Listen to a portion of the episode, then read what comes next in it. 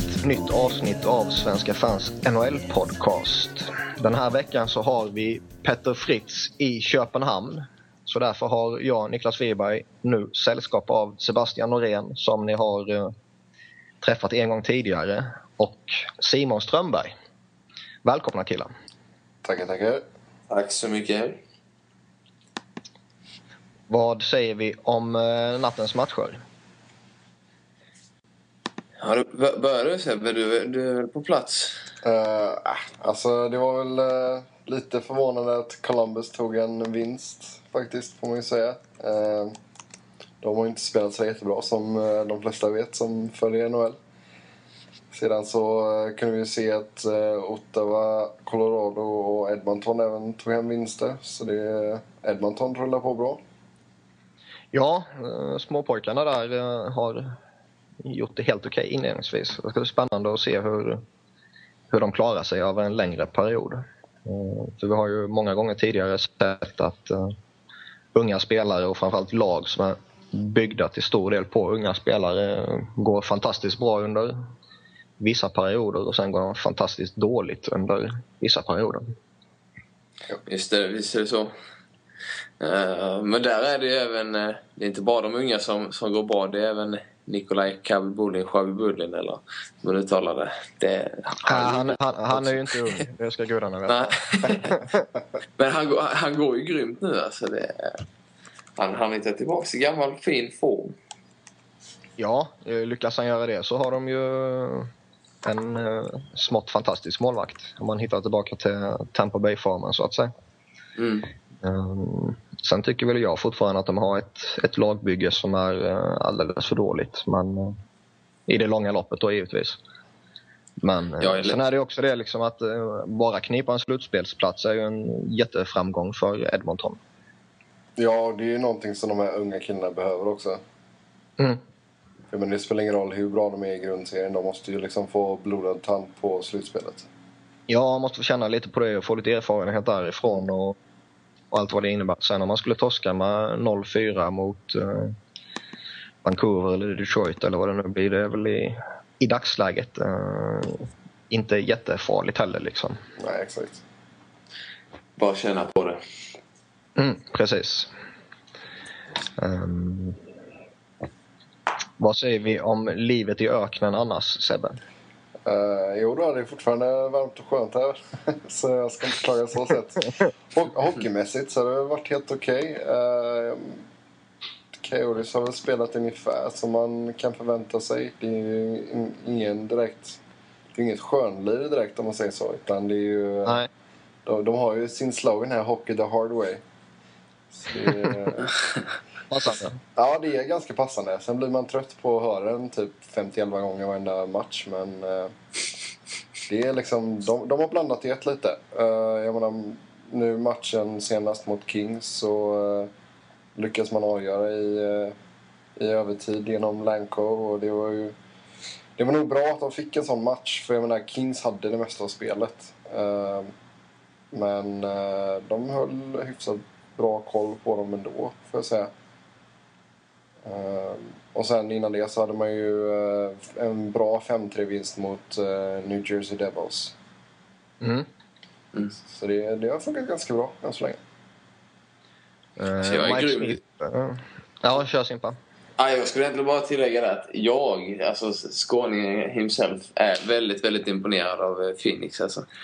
Eh, hur man kan gå och ändå tappa sin, sin stora målvaktsstjärna där och, eh, i Bryskalov i somras och sen ändå går så pass bra som man gör. Det, det är grymt. NHLs svåraste division där alltså. Det, det är grymt imponerande. De har någonting där. Det är svårt att sätta fingret på det men alltså det, de kan ställa ut vilket skitlag som helst på isen känns som och ändå vara konkurrenskraftiga.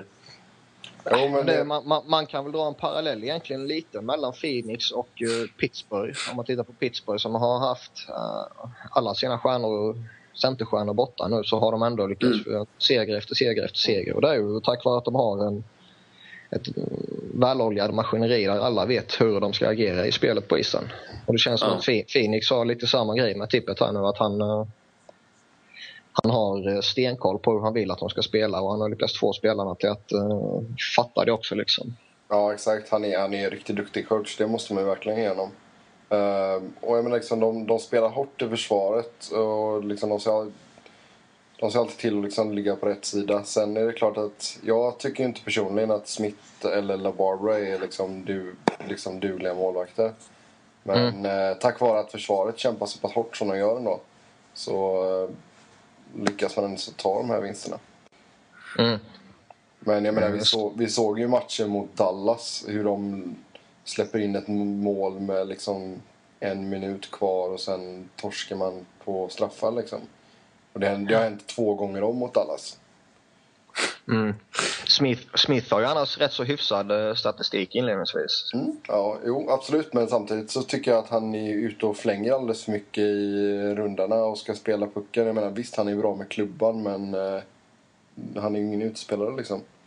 Nej, men det, det, är ju det. Har, har man ju varit backup till Marty Turco i Dallas i några år så känns det som att uh, man hade lite press på sig där att spela pucken med klubban. Jo. Uh, sen, sen var ju Turco 75 gånger bättre. Ja, lätt.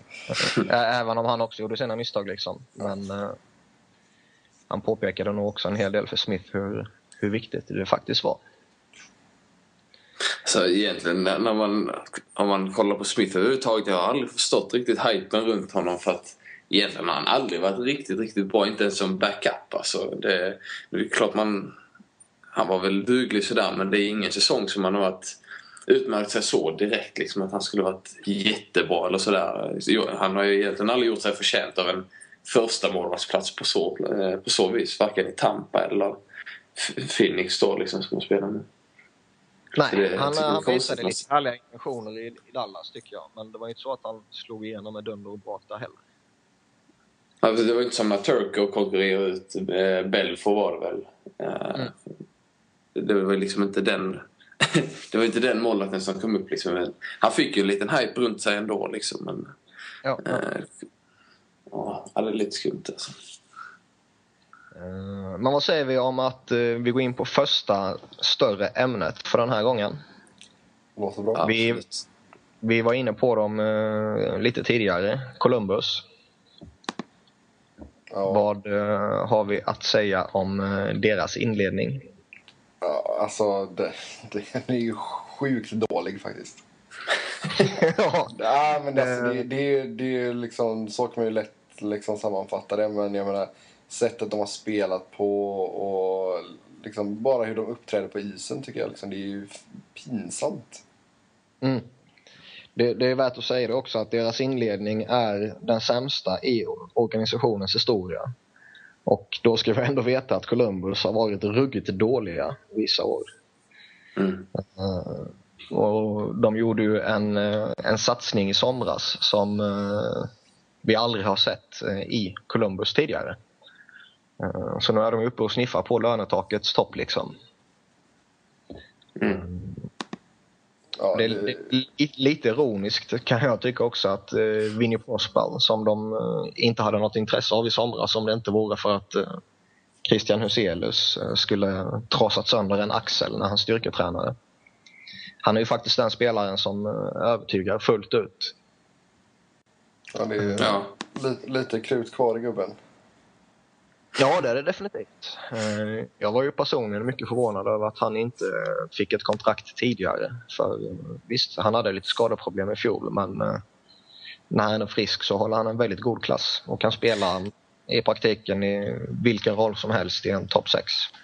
Men alla spelare som, som drar på sig Rangers-tröjan förfaller ju, det vet vi ju. Så att jag menar, ja, att han fortfarande var en bra spelare, det var nog alla överens om. Fast när man spelar Raiders då förstörs man ju det. Därför blev han inte så het marknaden. Vad sa du? Ja, det är ju lite elefantkyrkogård för dem. Ja, men lite så. Jo, men sen har de ju haft oflyt också att, uh, att Jeff Carter gick sönder också. Och Niklas, ja. du känner ju honom sen Flyers-tiden. Ja, uh, vi får inte glömma James Wisniewskis avstängning heller. Uh, plockat in honom för fyra pengar och sen blev han borta en, uh, hela inledningen där, där det då gick åt helvete för dem. Liksom. Jo, men och, samtidigt ska inte en back göra hela försvaret. Nej, jag håller med dig. Det, alltså, även om man tappar både Carter och, och, och Viss så, så ska man inte falla sönder och gå 2-9-1 under inledningen. Det, alltså det, vad ska man säga? Det, det, det, är så dåligt så det finns inte. Men där kommer vi nu mycket till, till varför de har problem. Det är, alltså, om man, det, det är att försvaret är för dåligt. Alltså det är uselt. Kanske inte... Backarna är ju inte bra alltså, men det är inte det som är sämst. Utan det är, de har problem med målvakten och de har haft det i flera år känns som. Steve Mason är inte en toppmålvakt som man hoppas. Man har ingen backup som kan gå in och göra det bra. Liksom. Mason knäcker dem genom att spela honom för mycket trots att det går dåligt. Och så har man ingenting överhuvudtaget som kan gå in och, och vinna matcher åt honom. Och nu har de väl otur med massor skador på målvaktspositionen.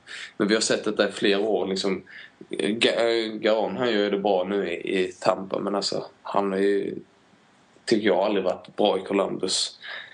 Trots att han fått en del speltid så. Ingen första målvakt i alla fall som har kunnat vara lite mentor åt Mason liksom. Nej, jag håller med. Alltså det, nu när man gjorde en sån här satsning i, i somras där man ändå slängde upp eh, stora pengasäckar liksom och plockade in många fina nyförvärv faktiskt så eh, väljer man att inte ta in någon etablerad backup till Steve Mason som, som du säger kanske är det största problemet för dem. Mm. Det, det, är väldigt förvånande när, när, man gör den satsningen man gjorde. Okej, okay, om man måste hålla hårt i pengarna då är det väl en annan femma. Liksom. Um, men det, och nu börjar det till och med pratas uh, efter den här inledningen att uh, det kan bli förändringar både på tränarsidan men också för general managern.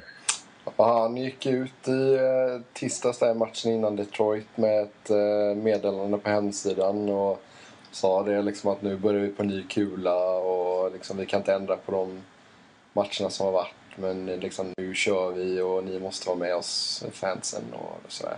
Sen har de ju i och för sig tagit två vinster efter det men jag menar, jag menar om de spelar, fortsätter spela så som de spelar nu så får de 25 vinster så ska de vara glada liksom. Mm. Vad, vad tror ni annars om ryktena att uh, Ken Hitchcock är på väg tillbaka till Blue Jackets? Ja, det är, om inte annat så är det kul att ha tillbaka honom i ligan. Jag har gillat honom sen, eh, ja, sen långt tillbaka. Hitchcock, eller gillat, men han har varit lite personlig favorit mer, mer för sitt coola namn liksom. Så det blir kul att få tillbaka honom. eh, men om, om... Det är så svårt att säga om man kommer göra någon större skillnad rent... Eh, alltså, om, om han är en bra coach fortfarande. För att det kan inte varit på toppen nu eh, de senaste gången han har haft ett lag och coachat. Liksom. Så hur mycket han tillför vet man inte. Men, Alltså det, det, det, man kan se på Hitchcocks eh, tidigare resultat i ligan det är ju att han behöver ju ett lag som i mångt och mycket är uppbyggt av veteraner. Och han behöver en stark lagkapten som står upp för honom i ur och skur. Liksom. Det funkade inte senast så frågan är ju om Rick Nash verkligen gör det för Hitchcock. Om det är den sortens hockey uh, Nash till exempel då vill spela. Ehm, det funkade inte riktigt mellan Hitchcock och eh, Jeff Carter när eh, båda två var i Flyers för många år sedan. Ehm, just, för det här då att han, spelar en typ av hockey som eh, inte passar Carter fullt ut och han har ju en Hitchcock då, han har ju en attityd och en ja, ett ledarskap om man säger så som är lite mer framåt och aggressivt kan man säga. Som inte alltid eh, yngre spelare är helt bekväma med. Nej, men samtidigt så behöver vissa spelare spark i röven också för att komma igång. Jo, ja, jag säger inte någonting om det alls. Jag gillar Hitchcock fullt ut. Jag har största respekten för honom. Men samtidigt, är, jag vet inte om det är rätt av... Eh, jag menar, jag vet inte jag hade varit så sugen på att gå tillbaka ifall jag hade varit honom. Nej. Eh, sen samtidigt så vill man tillbaka till NHL så han verkar inte ha jättemånga alternativ nu för tiden. Utan det är många nya coacher som, som lagen släpper fram eh, från AHL till exempel. Mm. Precis. Han, som, som ändå är liksom har framgångar bakom sig får sitta på läktaren och titta.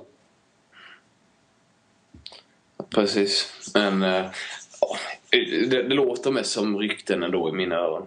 Jag vet inte riktigt.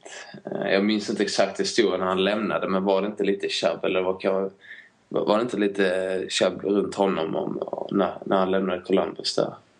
Med Filat och allt. Eh, hela, den, hela den biten. Det var väl inte helt friktionsfritt när, när han drog liksom. Nej, det har du helt rätt i. Det funkar inte klockrent där, det gjorde det inte. Um, sen är han ju fortfarande någon form av uh, konsult åt dem och han ser matcher med deras ägare och han är fortfarande under kontrakt med Columbus också. Uh, denna säsongen.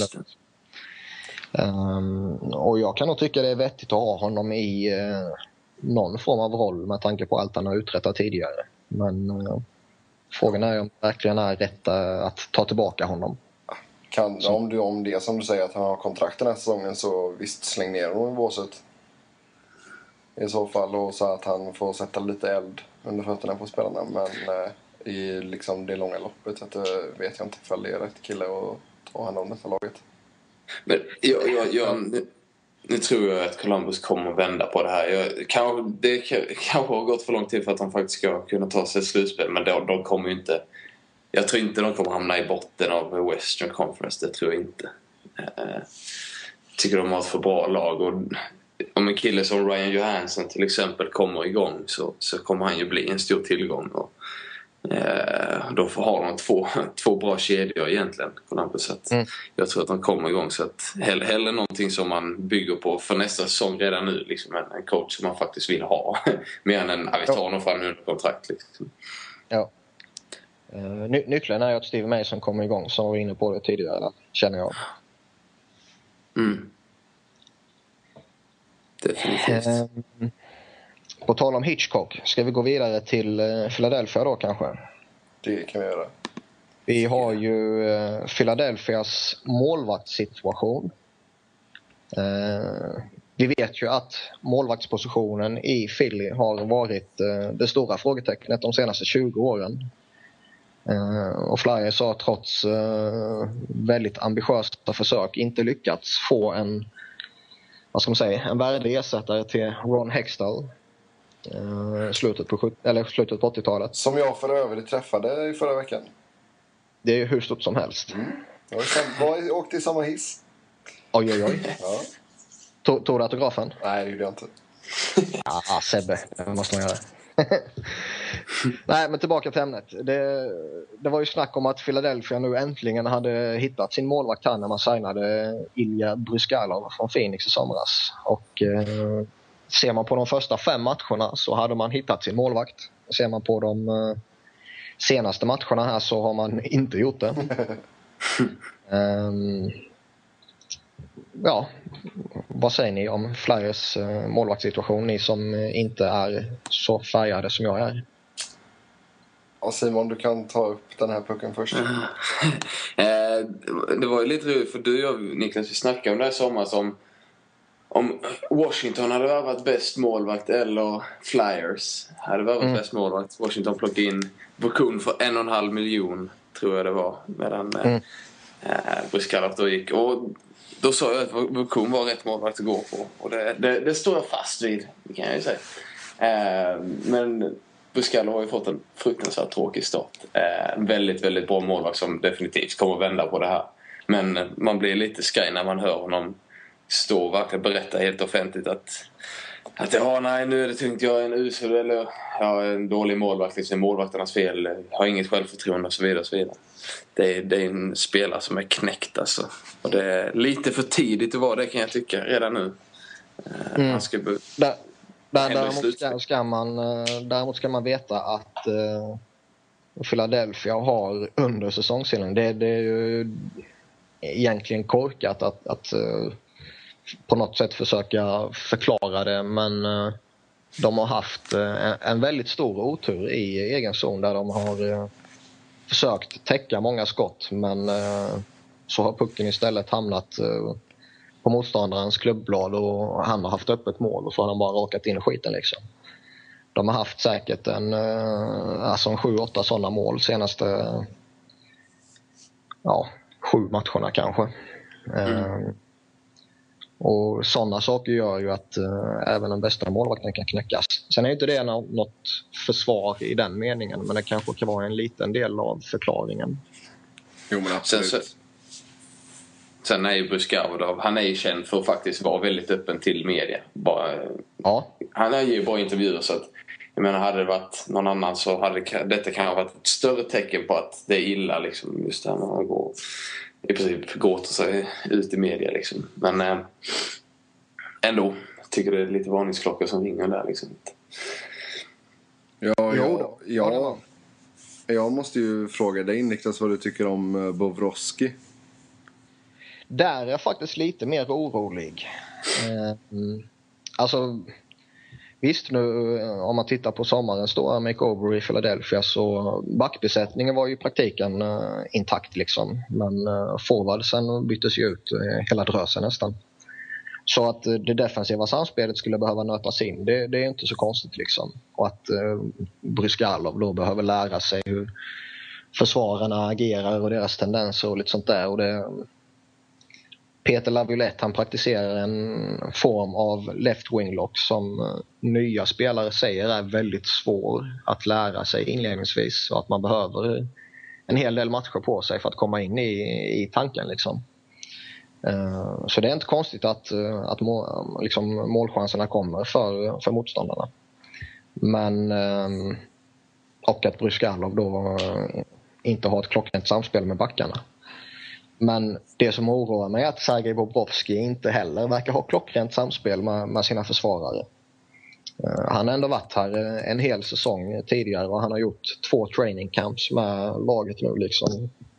Men ehm, fortfarande har han tendenser, och visst det har inga målvakter, men han har tendenser till att varva monsterinsatser med eh, liksom rena rama juniormisstag. Och det, det oroar lite. Sen är han inte katastrofdålig på det sättet liksom. Men... Uh, mm. Nej, för jag menar, alltså, nu, nu har han ju börjat, nu har han i och för sig inte spelat samma matcher men jag menar 3,75 i goal against average är ju inte bra alltså. Nej, sen, sen, måste man ju tänka på det också att den här eh, galna Phoenix-matchen har ju... Winnipeg? Ja. ja. Vad sa jag? Du sa Phoenix. Sa jag Ja, det är för tidigt här. Ja.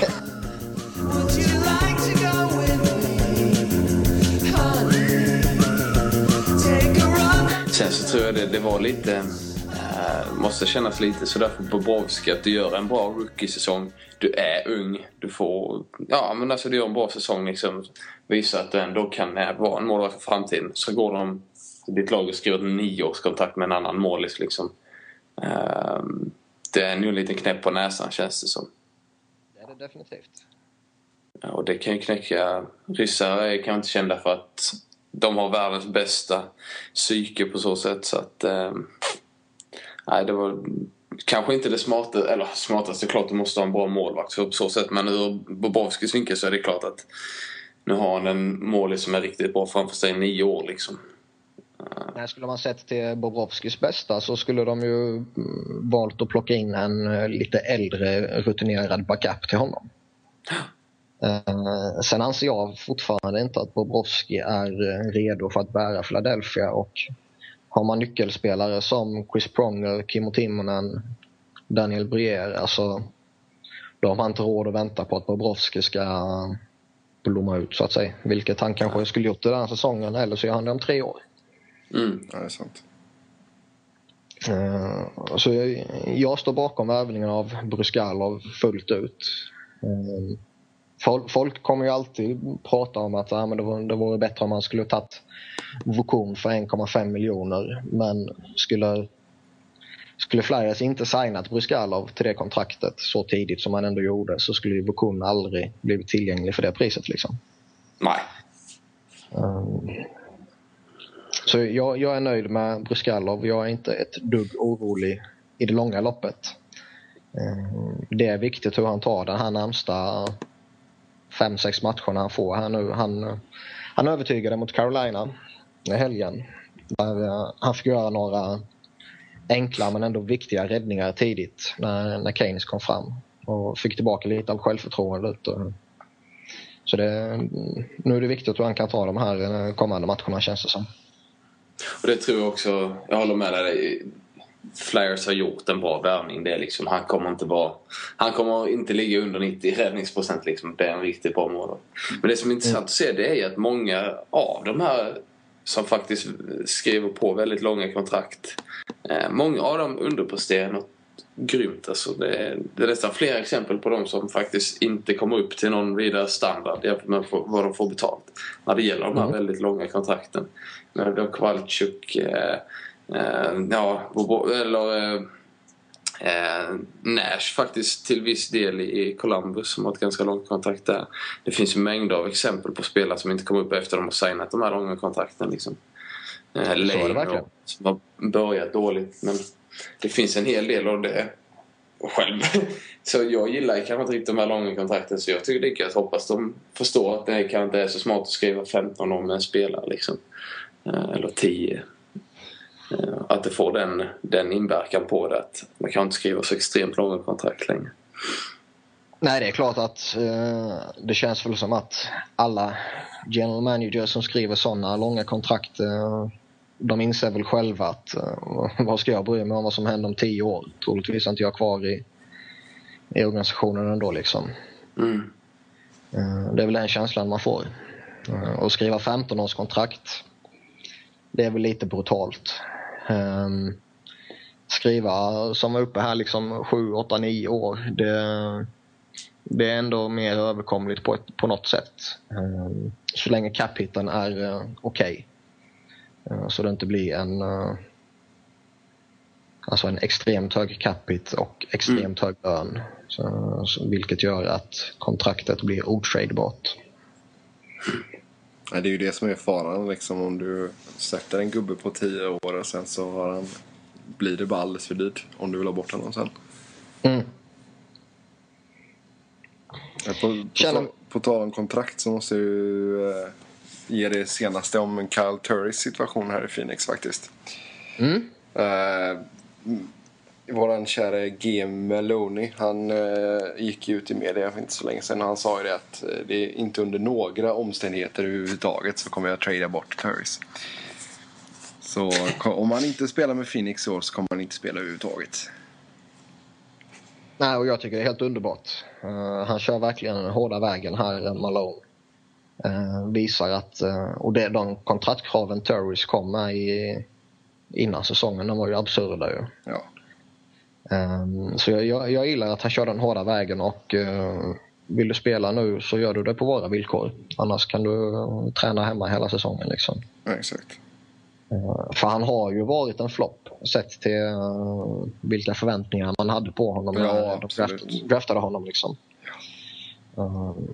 Sen kan det ju alltid vara lite tufft att kritisera spelare som inte gör dundersuccé i Phoenix. Liksom. Det är inte alltid de lättaste. Nej, men det är inte alltid de lättaste förutsättningarna där. Liksom. Nej, absolut inte. Men eh, till och med med de aspekterna i hänsyn så har han ju floppat. Mm. Han, det, det känns som att han, han, har, han kräver lönen som han borde ha förtjänat. Så, ja. mer än vad han faktiskt har. Ja, nej, det är helt sant. Och jag menar, även om han skulle... De har fram till första december på sig att komma överens om någonting. Men jag menar, frågan är liksom, även om han skulle signa, liksom, hur, hur skulle han ta sig mot i laget? Liksom? Nej, det kan ju vara att han fryser ut fullkomligt. Ehm, så det jag skulle göra om jag vore eh, Phoenix, det är ju att eh, här har du ett kontrakt skriv på det här, börja säsongen i AHL, visa att du förtjänar en plats hos oss i NHL. Nej. Annars sitter du i AHL säsongen ut. Nej, för nu så skaffar de ju Cal O'Reilly också. Så det är också en eh, liten peak med att de räknar med att de eh, kommer spela utan Turris. Mm. O'Reilly är en helt okej värvning också tycker jag om man ska berömma honom lite. Han, eh, han kan nog blomma ut så småningom det tror jag. Ja, det hoppas de ju verkligen på. Så det, nej, det blir nog bra. Mm. Ska vi gå vidare då? Yes. Yep. Uh, Toronto Maple Leafs har inlett säsongen 7-3-1. Topplag i Eastern Conference. Phil Kessel uh, smäller in uh, mål efter mål efter mål och uh, ja, Toronto är i en sällan skådad formtopp. är de så bra som man kan tro att de är? Nej. det var ett kort svar. Uh, nej, jag, får, nej, det... jag får också säga nej. Men uh, det är nog på att jag tror inte att Kessel kommer orka liksom bära det här laget hela säsongen. Det, jag menar, vi, vi, har sett honom förut. Han kan få sjuka hotstreaks men han kan ju gå jäkligt kall under en lång tid också. Ja, och vi får inte glömma att kolla på Torontos uh, spelschema också. Alltså lagen de har vunnit mot är Montreal som ju inledde sin säsong historiskt dåligt. Ottawa, Calgary, Winnipeg, Rangers och, och uh, Pittsburgh. Um, och jag menar bortsett från Pittsburgh som ju också är en toppkonkurrent då i Eastern så är det ju lag som har inlett säsongen bedrövligt dåligt som de har vunnit mot. Och eh, tittar man eh, framåt de närmsta 7, 8, 9 matcherna här nu så har de ett väldigt enkelt schema på pappret då givetvis som väntar dem. Ja. Um, och som ni säger, Kessel han är väldigt streaky i sin produktion. Um, han kan mycket väl gå tre matcher till där han uh, gör fem mål. Liksom. Men sen kommer det gå tio matcher där han gör kanske två mål. Och helt plötsligt kommer hela supporterskaran vända sig mot honom igen. Uh, samma sak kan jag säga som uh, coachen Ron Wilson som uh, i dagsläget är tidernas bästa coach enligt många Toronto-fans. Men som förra säsongen var avskydd av alla. och börjar Toronto förlora lite nu här snart så kommer han givetvis få en hel del kritik igen. Ja, och det historiskt sett så så kommer de ju floppa igen. och det, man ska inte glömma det, traditionens makt så att säga. Uh, de började ju bra i fjol också. Inte så här bra men de började ju bra. Det var lite snack om att äntligen så, men uh, nej. Ja. De, de kraschade hårt. Det gjorde de definitivt. sen, men sen är det också lite som, som samma snack vi hade med, med Edmonton i början på programmet. Att uh, bara ta sig till slutspel är ju en jätteframgång för Toronto. Ja, ja, och har man det så sikte så, alltså har man slutspel i sikte så tror jag inte vi ska, man ska hänga av dem. Alltså för jag menar, slutspel är ändå ett absolut, framförallt efter den här starten, ett, ett väldigt realistiskt mål. Men alltså gå ut mm. och tro på Stanley Cup. Uh, det känns ju lite som, det känns som, lite som England i fotboll. Liksom det, det händer mm. liksom inte. Det kan man inte glömma. Nej, jag håller med dig. Uh, men i slutspelet tror jag definitivt eh, de är redo för egentligen rent om man tittar på vad de har för spelare och coach och allting liksom. Eh, tycker definitivt de är, de är redo för slutspel. Sen ska man ju som sagt med, man ska ju ta sig dit också. Det är inte helt lätt alltid. Eh, många lag som har fallit på mållinjen liksom. Många gånger. Definitivt. Vi har ju en rätt intressant situation i Toronto också. Där eh, Cody Franson, en väldigt kompetent försvarare, får agera sjundeback. Eh, Medan Mike Komisarek, som eh, enligt många är en av de sämsta spelarna i hela ligan, sett till eh, vad han, tjänar, sett till vad han tjänar och vad han faktiskt presterar på isen. Medan han får spela. Är det inte dags att faktiskt skeppa upp Komisarek på läktaren nu för gott? Ja, han är ju assisterande kapten till och med. Mm. Det, ja, nej, jag kan hålla med dig. Jag vet inte riktigt hur de tänker i det läget. Men eh, ja, nej, jag håller med dig. Han är riktigt dålig. Så det hade jag... Hade jag... Det, är få, det är få spelare som är så stabbiga på isen som han är faktiskt. Ja. Nej, men hade jag varit Wilson så hade jag skickat upp honom på läktaren, absolut. Mm. Han fick ju en match på läktaren eh, veckan som gick här nu. Eh, första gången han petades under karriären i Toronto. Eh, men det, det vore en sak om, om liksom kommissarik själv var så pass viktig för dem i typ penalty killing. Uh, för där, jag menar, står, står han still framför kassen då kan han ändå trycka bort lite folk. Liksom. Uh, mm. Men deras PK är ju dåligt om man ska vara rak. Liksom. Det är ju ett av ligans sämsta på 72,3 procent. Liksom. Eh, sen visst, det kanske skulle varit nere på 60 utan Komisarek men eh, det har jag svårt att tro. Och det, jag ska säga att jag har inte sett Cody Franson så extremt mycket men vad jag ser så han är ju en tvåvägsback som absolut inte gör bort sig i, i, i, i numerärt underläge heller liksom. Han vet vad han ska Nej. göra och har fått bra mentorskap från Shea Webber liksom. Eh, så att han vet ju definitivt vad han gör i boxplay också. Eller numerärt underläge. Penalty killing. Mm. Så jag tror inte de köper säkert inte ner sig direkt om de skulle sätta honom på läktaren för Cody Franson. Eh, som de fick väldigt billigt. Det kan vara därför de känner att de har råd att sätta honom på läktaren. För att den traden de gjorde för att få honom, den, ja, den var ju klar vinst för Toronto. Ja, det var ju. De dumpade ju av en massa skit bara som fick dem en, en lovande försvarare plus uh, Matthew Lombardi då som om han bara kan få koll på sina hjärnskakningsproblem så att säga så är det en klart kompetent spelare. Mm. Men eh, det, det, det, är klart. Men så, så det är ofta diskussioner liksom vem ska sitta på läktaren och sådär men det, de flesta är väl överens om att det kanske inte är riktigt rätt att sätta en ung lovande back på läktaren om, äh, istället för en gammal avdankad veteran liksom. De flesta brukar trycka upp dem på läktaren. Ja, precis. Um, sen känns det väl som att uh, Kommissarek uh, är på isen och inte på läktaren på grund, uh, på grund av, eller tack vare, beroende på vilken vinkel man ser på det hela, hans lönekuvert. Men Toronto är en klubb som hade haft råd att ha honom på läktaren samtidigt.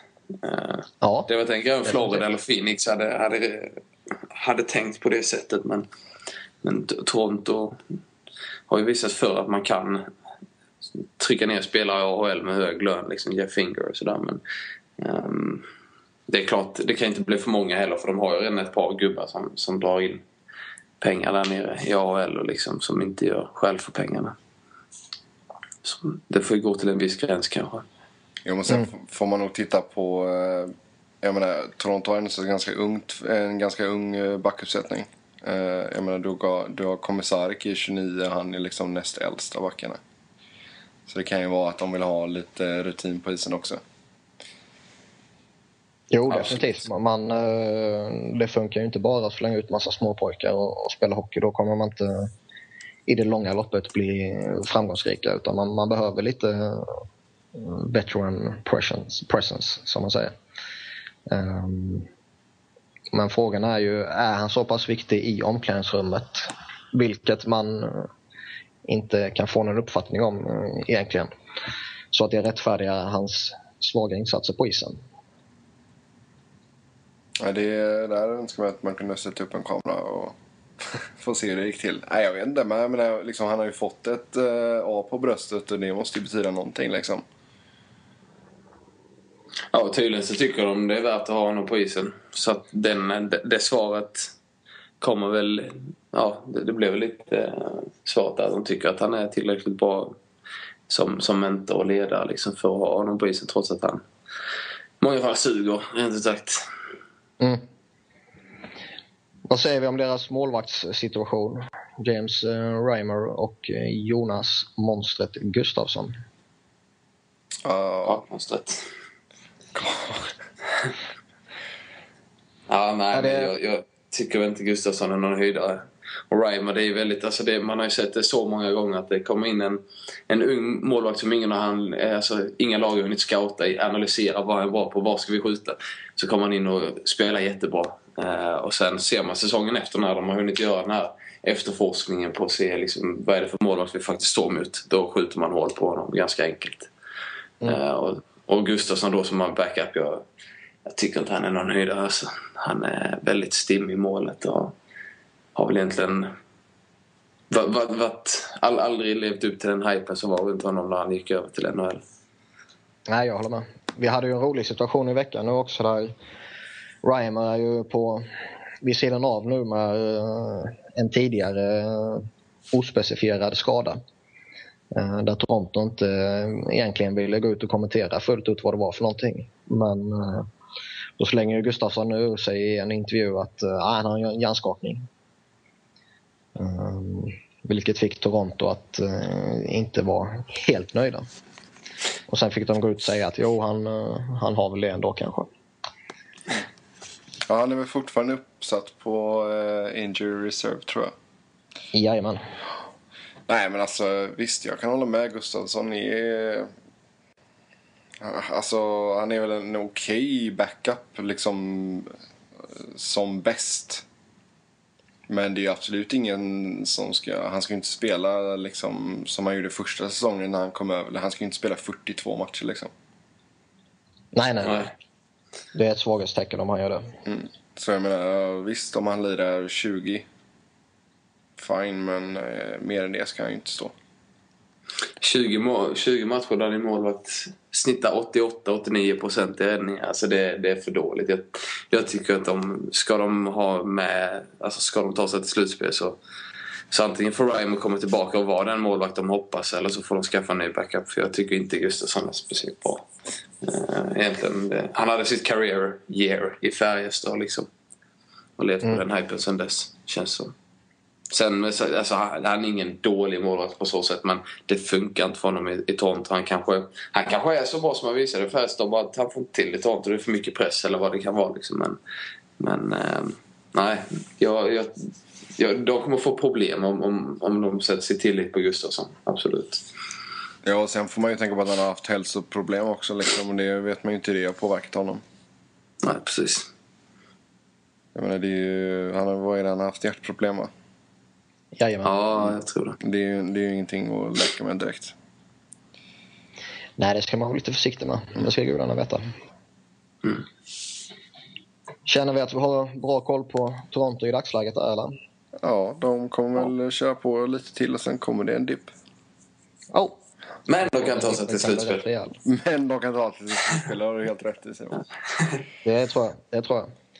Vad känner ni att det är något annat från uh, senaste tiden ni vill lyfta fram? Jag vill gärna fråga Simon om uh, Markström i Florida. Mm. Bring it on. Vad, hur går snacket eh, där borta? Har du läst någonting av hur de porträtterar honom i median där borta, över mm. i Florida? Alltså det är ju liksom så länge en spelare inte spelar i, i NHL så är ju intresset helt dött för, för eh, alltså AIL-spelarna nere i Florida. Säger sig självt liksom, det är ingen hockeystart. Eh, men nu när han väl har kommit upp och spelat så här bra då, då är det De säger att nu, framtiden är här nu liksom. Det är det snacket som går. Att, att antingen kommer ju Clemensen skickas ner till AHL då på rehab eh, efter sin skada eller så, så, eh, så tradas han helt enkelt. Eh, och det, på, på George Richards där på eh, Miami Herald som är väl eh, en av de mer fram, framstående Panthers-skribenterna. Eh, han, han menar på att de försöker trada honom.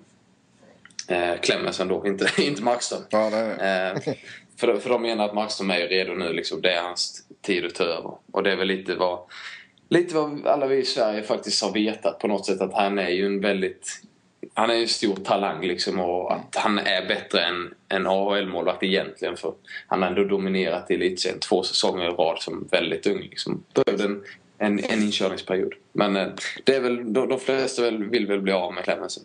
Och då, igår så skrevs en, en ganska bra artikel om hur bra mentor José Theodore är då. Liksom att han, han ger feedback och, och, eh, åt Markström och sådär. Det fungerar väldigt bra ihop de två emellan också. Så att det, det lutar väl åt att det blir Markström som, eh, att han blir kvar i, i Florida mot, mot eh, ja det trodde man inte i början liksom. Han skulle Men en sån som eh, Clemensen borde ju ändå, när han blir frisk då givetvis, eh, inte vara några stora problem att trada iväg. Det är ju ändå en väldigt kompetent målvakt, framförallt i rollen som andra målvakt. Ja, och om man då säger till exempel Columbus eller Toronto som vi har snackat om här. Varför skulle mm. de inte vara intresserade av Clemensen? Nu har Clemensen haft en misslyckad sejour i Toronto innan men, men Columbus, varför inte? Det är, han, han är en rental liksom. Så att hans kontrakt går ut efter säsongen. Det är ingen stor chansning man tar liksom. Man vet vad man får. Nej. Det är helt okej. Ja, precis. Eh, jag vill ju annars lyfta fram ett lag som Dallas. Eh, de tappade Brad Richards som är... Eh, det var få lag som tappade en så pass betydelsefull spelare som Richards var för Dallas. Och ändå inte ersätta honom. och ändå parkera dem i toppen av eh, Western Conference nu liksom. Eh, Steve, Steve Otter playmakern där nu. ja, alltså snacka om nedköp för Louis Eriksson att gå från eh, Brad Richards till Steve Ott. ja, men han då gör ju det bra liksom. Jo, jo, utan tvekan. Sheldon Surrey har ju fått uh, nytändning på alla cylindrar i uh, Stars också. Ja, det kan man ju lugnt säga. Han var ju riktigt bra i matchen mot uh, Phoenix faktiskt. Uh, I uh, Glendale. När jag var och kollade på dem. Han har ju ett ruggigt skott. Ja, ja. Sen har vi ju en av eh, ligans, på tal om Surrey här. Eh, ligans mest märkliga statistik. Det är de bästa powerplay-lagen. Topp 5, Washington, San Jose, Ingen skräll kanske. Sen har vi Colorado, Ottawa och Florida som får ut topp 5. Hur galet är inte det? Ja, alltså Colorado i och för sig. Jag tycker Colorado har spelat bra. De matcher jag har sett dem i alla fall. Men ändå topp i powerplay, det ska inte de vara. nej, det är klart de inte ska vara, men... Eh, nej, jag vet inte. Ja, det är, Colorado är verkligen en positiv överraskning, tycker jag i alla fall. Mm.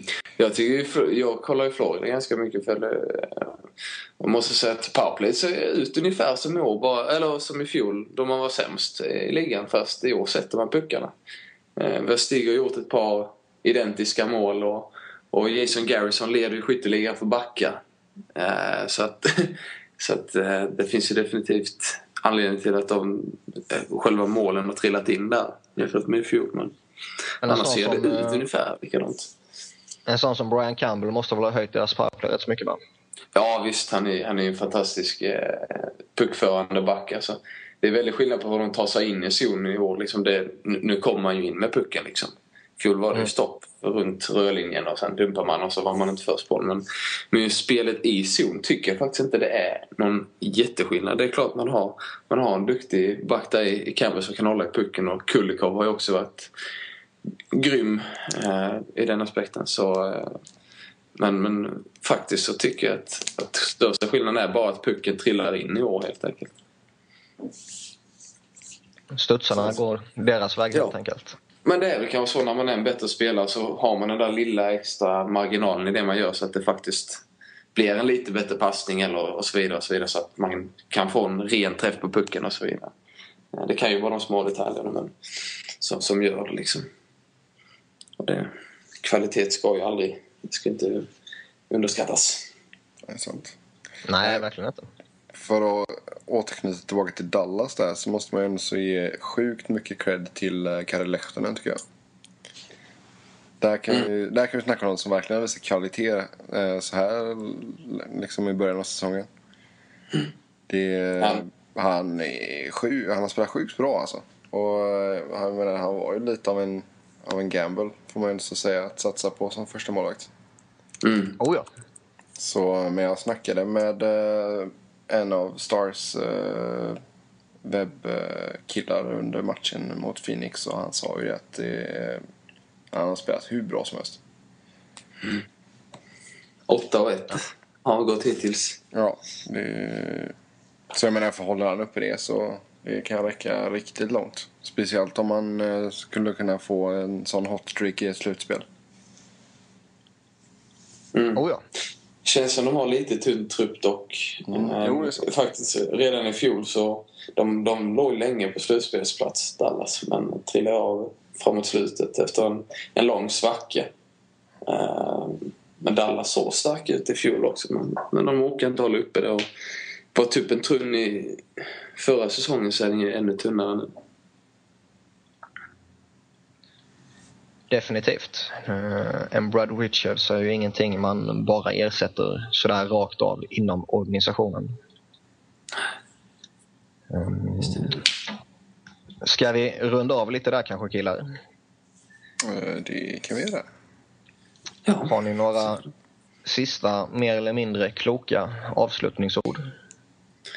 Ja, jag vill bara säga, jag fattar inte vad New Jersey sysslar med som lirar Kowalczyk så mycket. Det, han är inte så bra Kowalczyk alltså att han ska lira över 25 minuter per match. Så det är idioti. Om inte annat så bränner man ju ut honom liksom. Definitivt. Så det är väl en liten... Jag vill bara sagt det att, så att alla vet att jag tycker att det är dålig coachning. Så, så alla vet det när de lyssnar klart på det här. Kom ihåg det. På tal om coachning så måste jag ju lägga till uh, Tortorella. Det gav den bästa intervjun på länge tycker jag. Han gick ut, gick ut till media och sa “We sucked”. Uh, I know you have to do your job but I'm not answering any questions. så det, uh, det jag, jag liksom, han är hetlevrad men det, det är bra underhållning alltså. Det ska ju bli oerhört intressant att följa både John Tortorella och Peter Laviolette som också kan vara jädrigt het alltså i eh, 24-7. Ja, det ska bli riktigt kul mm. faktiskt. Uh, sen får vi väl slå ett litet slag för Ottawa som har ryckt sig i kragen och tagit sex raka nu. Vilket är smått galet. Ja, de är så dåliga. De är så dåliga ja. defensivt så det finns inte. Ja, Erik Karlsson ligger väl på eh, topp 10 i poängligan tror jag. Ja, tiondeplatsen. Ja.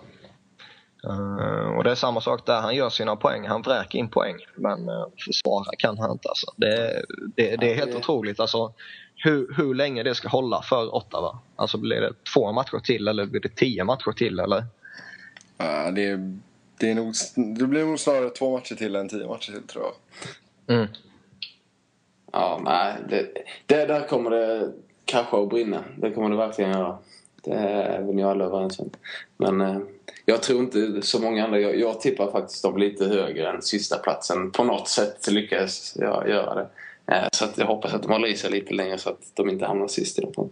Ja, vi får se. De tar, möter Boston natten till onsdag.